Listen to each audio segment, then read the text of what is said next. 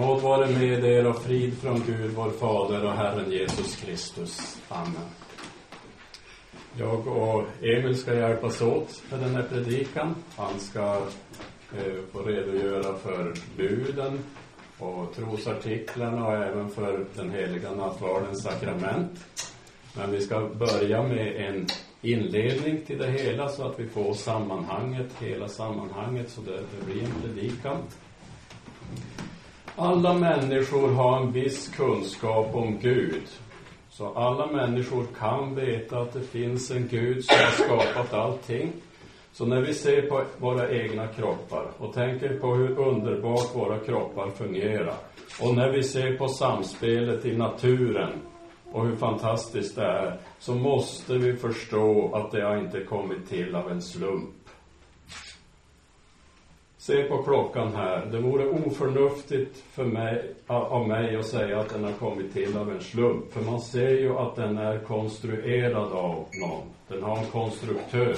Och ändå är det här en mycket enkel, okomplicerad grej jämfört med våra kroppar och hela det ekologiska systemet. Det är också väldigt oförnuftigt som man gör idag, att säga att det har kommit till av en slump och motorn till det hela är mutationer. För den enda kända effekten av mutationer, det är att det förstör genpoolen. Och att säga det, att det som man, det, den enda kända effekten av mutationer är att den förstör, att det är källan till det underbara vi kan se. Det är väldigt oförnuftigt. Så vi alla borde förstå att det finns en skapare och när vi ser på skapelsen så borde vi också förstå att han är vis. Han är oerhört vis. Han är oerhört mäktig. Han är god. Han är evig och gudomlig. Alla människor har också ett samvete som vittnar om att vi är ansvariga inför Gud. Och om inte Senare, förr eller senare, så förstår vi att Gud ska döma oss för våra synder. Så alla människor kan av sig själva förstå att det finns en skapare. Vi kan också förstå en del av hans egenskaper utifrån vad vi kan se hos oss själva i naturen och utifrån samvetet. Men vad vi inte kan räkna ut, vad vi aldrig kan förstå av oss själva, det är hur vi ska bli frälsta. Och för att lära oss vad Gud har gjort för att vi ska bli frälsta så har han gett sin uppenbarelse, sitt ord. Och Bibeln är Guds ord. Och han har gett oss Bibeln för att lära oss att tro på Jesus Kristus som vår frälsare och genom tron ha liv. Bibeln innehåller två viktiga läror. Lagen och evangeliet. Och genom lagen, lagen handlar om oss, den, där lär Gud oss vad vi ska göra och vad vi inte ska göra. Och evangeliet, det handlar inte ett dugg om oss, utan handlar om Guds gärning, vad Gud har gjort för att vi ska bli frälsta. Hur han sänt sin enfödde son för att ta bort våra, alla människors synder. Och den som tror på honom, han har liv och frälsning. Nu ska vi börja genomgången av vi har ägnat oss åt den här boken i konfirmandundervisningen. Luthers lilla katekes med förklaring. Och det kan man säga är en kort sammanfattning av, av eh, Bibelns lära. Nu är det inte allt det här som är eh, lilla katekesen. Så den här är ju inte kort. Utan den har ju en förklaring också med många bibelställen. Så vi har, har, har använt lång tid att, att lära oss eh, hela katekesförklaringen och, och eh, gå igenom hela katekesförklaringen. Men vad han har lärt sig är lilla katekesen och också, också en hel mängd minnesverser. Men, och katekesen börjar med buden och, och det är där vi också ska börja. Och Gud, han har gett oss buden eller han har uppenbarat sin vilja för oss på två olika sätt. Dels har han skrivit lagen i våra hjärtan. Så, så alla människor har en uppfattning om Guds vilja. Man, Man behöver egentligen inte lära människor att det är fel att ljuga och fel att stjäla. Säga att Bibeln lär oss det, för då säger de att det vet vi redan av oss själva. Och det är den naturliga lagen som är skriven i människors hjärtan. Och så har vi samvetet som är ett slags inre röst, ett vittne om Guds vilja. Eh, det är bara det att samvetets röst är inte helt pålitligt. För ett liv i otro förmörkar samvetet. Ett liv i otro gör människans hjärta hårdare och hårdare så att, eh, så att samvetet slutar bekymra en människa. Man kanske vet att det är fel, men man gör det i alla fall utan att bekymra sig för det. Och sen kan man säga att eh, samvetet också går att påverka med fostran och undervisning. Så om eh, falska traditioner, obibliska, eh, obiblisk lära, falsk lära påverka samvetet och det kan påverka samvetet så att det slutar att reagera för det som är synd men kanske börjar reagera för det som inte är synd. Så samvetet är ingen ett vittne om Guds vilja men inget på, absolut pålitligt vittne. För att vi säkert ska veta vad som är Guds vilja så har Gud gett oss lagen på ett annat sätt också. Han gav lagen till Mose och Mose skrev ner den. Det kallas den skrivna lagen. Och den skrivna lagen har vi för att vi absolut säkert ska veta vad som är Guds vilja, vad han vill att vi ska göra och vad vi inte ska göra. Och en kort sammanfattning av lagen så har vi tio budorden.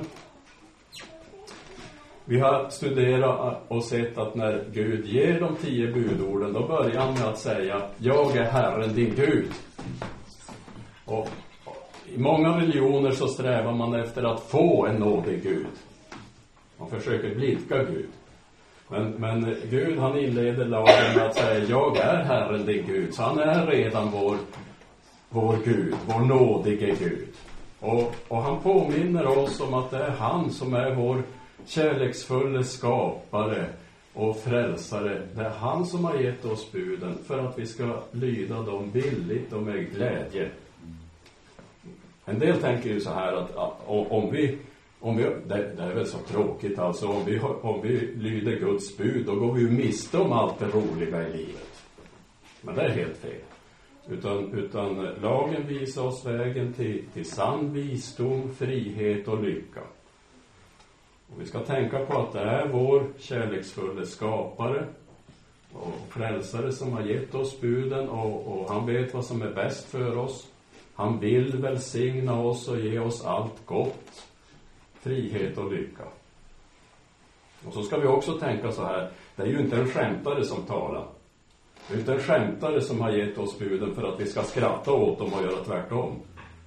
Utan den som bryter mot Guds bud, han drabbas av Guds vrede och har egentligen ingenting annat än ofrid och, och, och bekymmer att vänta av livet med Gud som fiende och, och sen kommer ju domen, en dag när Gud ska döma oss för våra synder.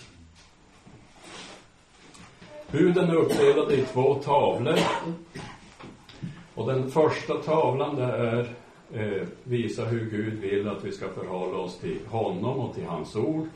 Och så den andra tavlan visa hur vi ska förhålla oss till vår familj och våra medmänniskor. Och vi ska börja med, med första budet på, på första tavlan. Alltså hur, hur, hur lyder första budet? Emil? Mm. Mm. Du, du ska hedra din far och mor. Första budet, om, så, första budet. Ja. Mm. Du ska inte ha andra gudar vid sidan av mig. Och vad betyder det? Vi ska frukta och älska Gud över allting. Och i allt förtrösta på honom. Ja. Så och man kan säga att det budet innefattar ju alla andra bud. Så, så vi ska hålla honom för Gud och vi ska vänta allt gott från honom. Och, och en Gud, vad är en Gud egentligen? Jo, en Gud är ju det man väntar allt gott ifrån. Det man litar på, det man förtröstar på. Och människor har i alla tider gjort sig egna gudar. Och, och att vänta allt gott ifrån gudar som man själv, själv hittar på, det kallas avguderi. Och, och jag tror den vanligaste formen av avguderi, i alla fall i vårt samhälle idag, det tror jag är förtröstan på pengar. Många människor tänker så här att om jag bara hade tillräckligt mycket pengar, då skulle allt ordna sig. Då skulle jag inte behöva bekymra mig. Hade jag bara ett överflöd på pengar, då skulle allt vara bra. Det första budet, det lär oss att vi ska vänta allt gott från Gud. Vi ska lita och förtrösta på honom. Vi ska frukta och älska honom över allting och inte sätta något vid sidan om honom.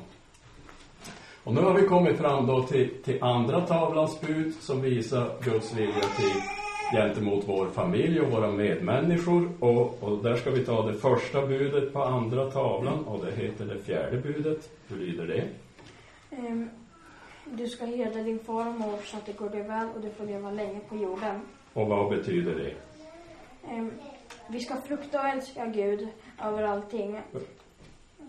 Ja, vi ska frukta och älska Gud. Så. Så, så att vi inte föraktar våra föräldrar och överordnade eller retar dem till vrede. Utan hedrar, tjänar och lyder dem och visar dem kärlek och uppskattning. Ja. Och det här fjärde budet kan man säga, det innefattar ju alla andra bud på andra tavlan. För om alla människor bara höll det här budet då skulle det inte vara något problem, i alla fall inga stora problem i samhället med det som det, de andra buden förbjuder. Alltså mord och, och hat och äktenskapsbrott och, och stölder och, och, och lögner och bedrägeri. Det inte vara några stora problem. Gud han har befallt att vi ska älska alla människor. Men när det gäller föräldrarna så har han också så är det också Guds vilja att vi ska visa dem heder. Nu är det ju så där att, att eh, kanske speciellt tonåringar börjar tänka att ja, men andras föräldrar är ju så, så bra, men, med mina föräldrar. Alltså, och, och, och visst, då kan, kan det väl vara så att det finns föräldrar som är, är lite udda. Men det ändrar ändå inte på saken. För Gud, han har gett föräldrarna ett dolt majestät och han vill att de unga ska visa sina föräldrar heder och uppskattning. Och det, det, det innebär att när det blir konflikt, när det blir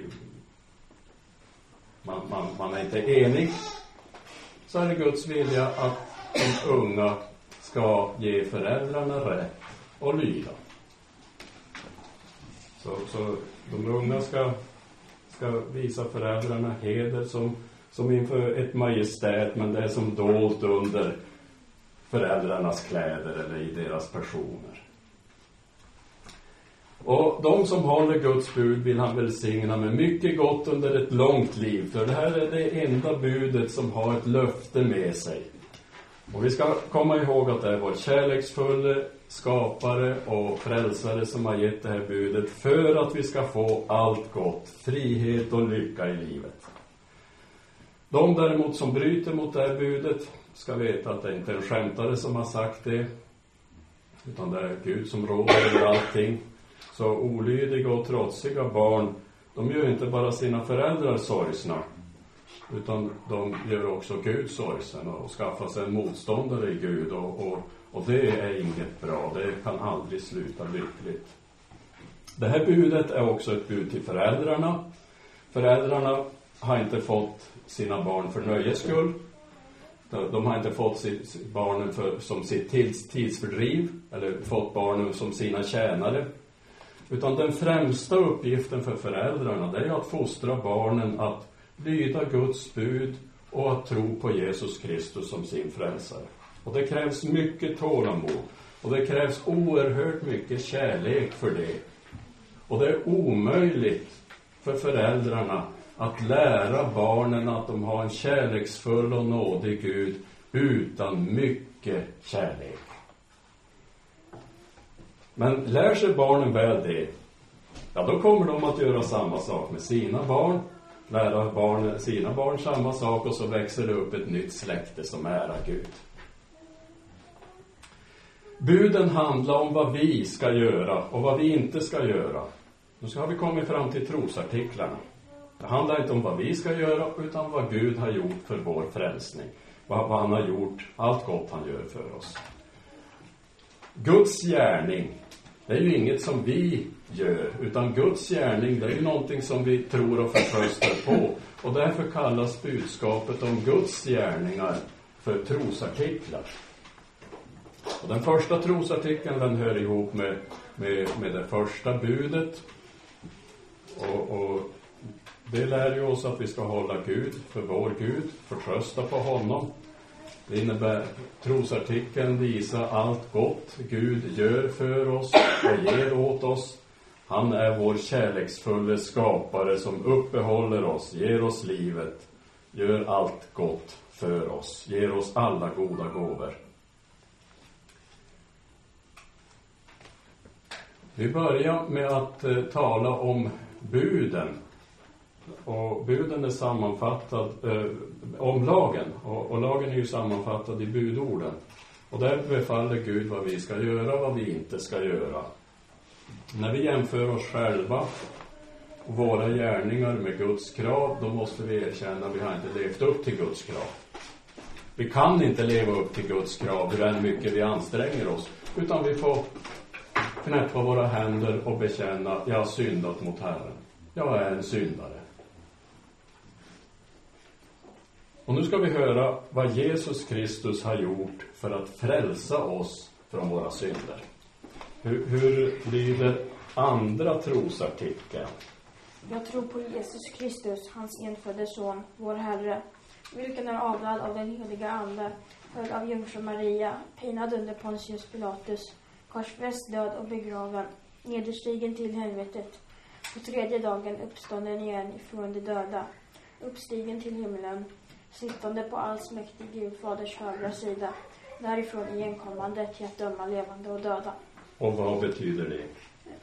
Jag tror att Jesus Kristus, som är sann Gud, född av Fadern i evighet, och även sann människa, född av jungfru Maria, är min Herre.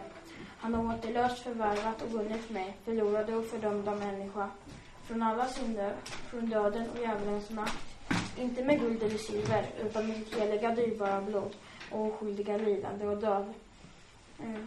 Allt detta har han gjort för att jag ska tillhöra honom, leva under honom i hans rike och tjäna honom i evig rättfärdighet, oskuld och salighet, så som han har uppstått från döden, lever och regerar han i evighet. Det är visst och sant. Mm. Så nu har vi hört om Jesus Kristus. Andra trosartikeln lär oss att han är vår frälsare. Det är han som har återlöst, förvärvat och vunnit mig, förlorade och fördömda människa.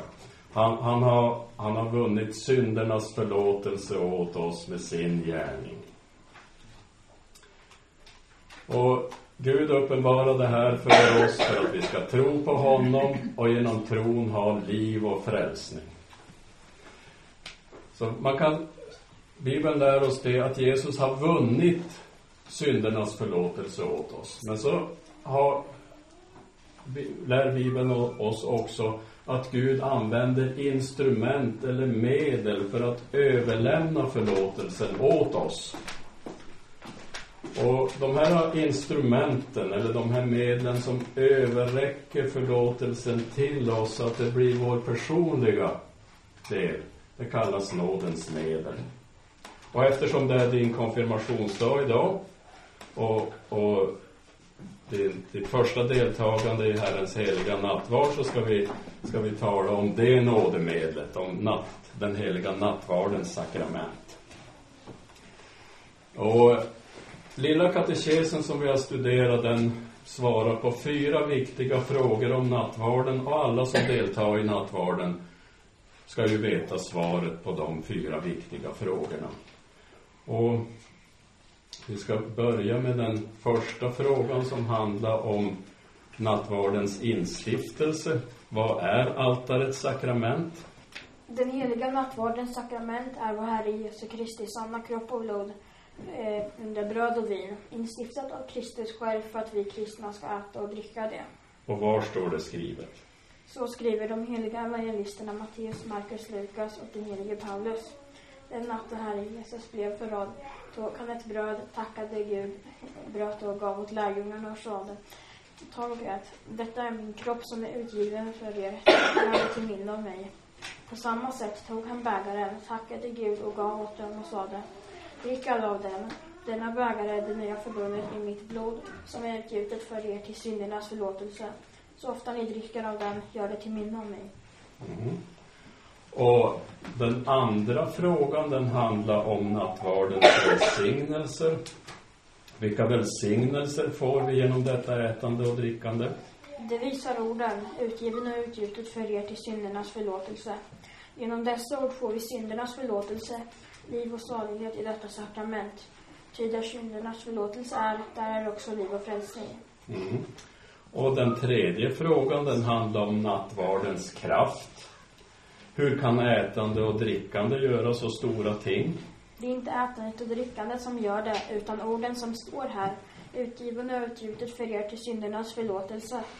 Ehm, eh, de orden är det viktigaste i nattvardens sakrament tillsammans med ätandet och drickandet. Ty där syndernas förlåtelse är, där är också liv och frälsning. Mm. Och den fjärde och sista frågan, den handlar om att ta emot nattvarden. Vem är värdig och beredd att ta emot detta sakrament? Mm. Att fasta och på yttre sätt förbereda sig kan visserligen tjäna ett gott syfte. Eh, men värdig och välberedd är den som tror dessa ord, utgiven och utgjutet för er till syndernas förlåtelse. Men den som inte tror dessa ord eller tvivlar på dem är inte värdig och beredd.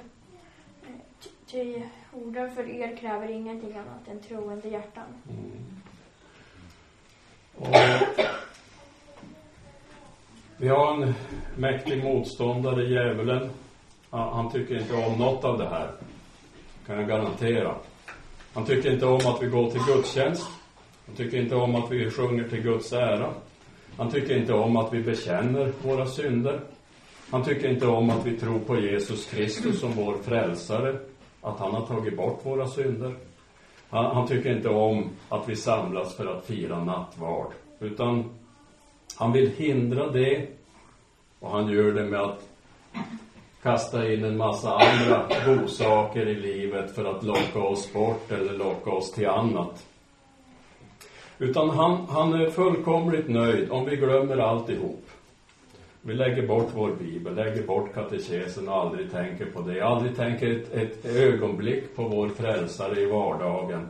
Han, han är nöjd om vi, om, om vi glömmer bort vad Gud har befallt oss och börjar leva tvärt emot Guds bud. Men den som gör det, han får Gud till fiende. För att vi ska bekämpa djävulen och, och leva till Guds ära så är det nödvändigt att vi håller fast vid den här undervisningen.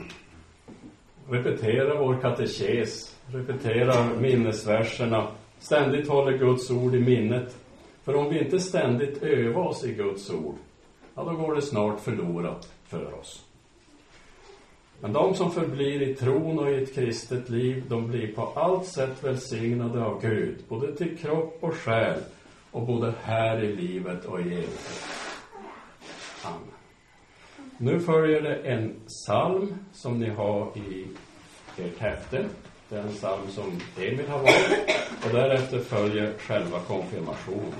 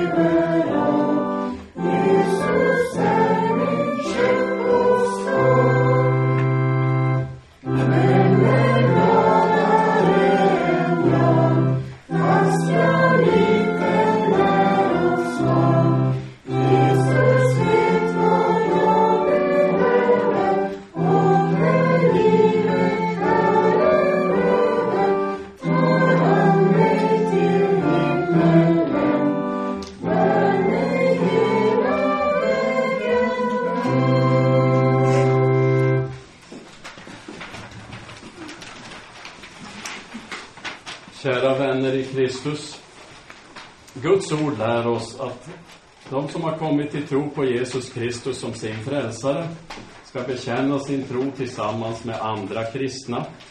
Guds vilja är att de kristna ska samlas kring ordet och sakramenten som ska förvaltas i församlingens gemenskap av dem som är kallade att vara ordets tjänare.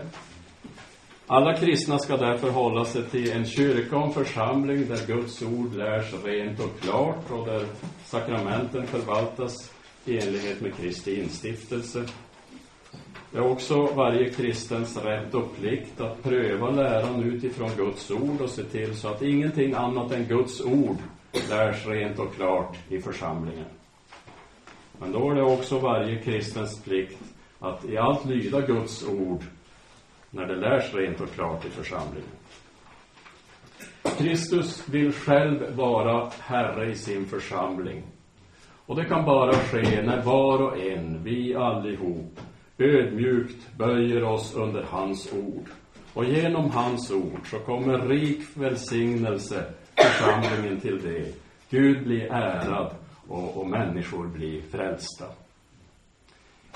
Vi har idag anledning till stor tacksamhet mot Herren eftersom Emil Hansson önskar dela vår gemenskap kring ordet och sakramenten genom att bli en nattvardsberättigad medlem i vår församling. Och han är övertygad om att Guds ord lärs rent och klart och, och sakramenten förvaltas i enlighet med Kristi instiftelse i vår församling. Och därför frågar jag dig nu, tror och bekänner du att Bibeln är Guds ord, ingiven av den helige Ande och därför ofelbar i alla stycken? Ja. Tror du på Gud Fader allsmäktig, himmelens och jordens skapare? Ja. Tror du på Jesus Kristus, hans enfödde son, vår Herre, vilken är avlad av den helige Ande, född av jungfrun Maria, pinad under Pontius, Pontius Pilatus, korsfäst, död och begraven, nederstigen till helvetet, på tredje dagen uppstånden igen ifrån de döda, uppstigen till himmelen, sittande på allsmäktig Gud Faders högra sida, därifrån igenkommande till att döma levande och döda. Ja. Tror du på den helige Ande, en helig allmännelig kyrka, det heliga samfund, syndernas förlåtelse, kroppens uppståndelse och ett evigt liv? Ja. Önskar du därför bli nattvardsberättigad medlem i denna vår församling? Ja. Vill du förbli den evangelisk-lutherska kyrkans lära och flitigt bruka nådemedlen samt leva i lydnad för Guds bud intill döden? Ja, med Guds hjälp. Och på detta ditt löfte så förklarar jag dig nu vara nattvardsberättigad medlem i vår församling, Lutherska bekännelsekyrkan i Norrköping, Västerås. Och jag inbjuder dig att tillsammans med oss andra ta emot Herrens heliga nattvard och dela ansvaret för församlingen och ha del i alla de gåvor och välsignelser som Kristus har gett sin församling. I Faderns, Sonens och den helige Andes namn. Amen. Ska du få ett konfirmationsbevis här och kan läsa upp konfirmationsbeviset. Det ser ut så där.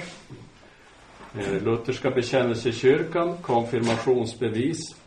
Emil Hansson har den 5 januari 2014 blivit nattvardsberättigad medlem i Lutherska bekännelsekyrkan Norrköping, Västerås. Betygar undertecknad pastor. Och så får du ett bibelställe idag och det blir ditt. Kämpa trons goda kamp.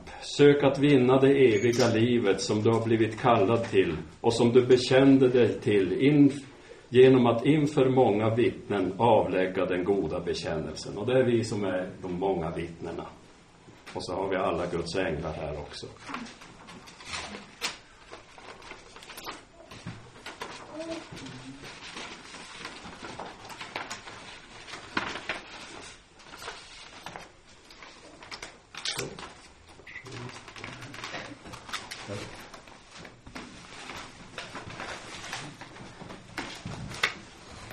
Kära vänner i Kristus, låt oss nu be för Emil. Låt oss be. Allsmäktige, evige Gud, käre Herre Jesus Kristus.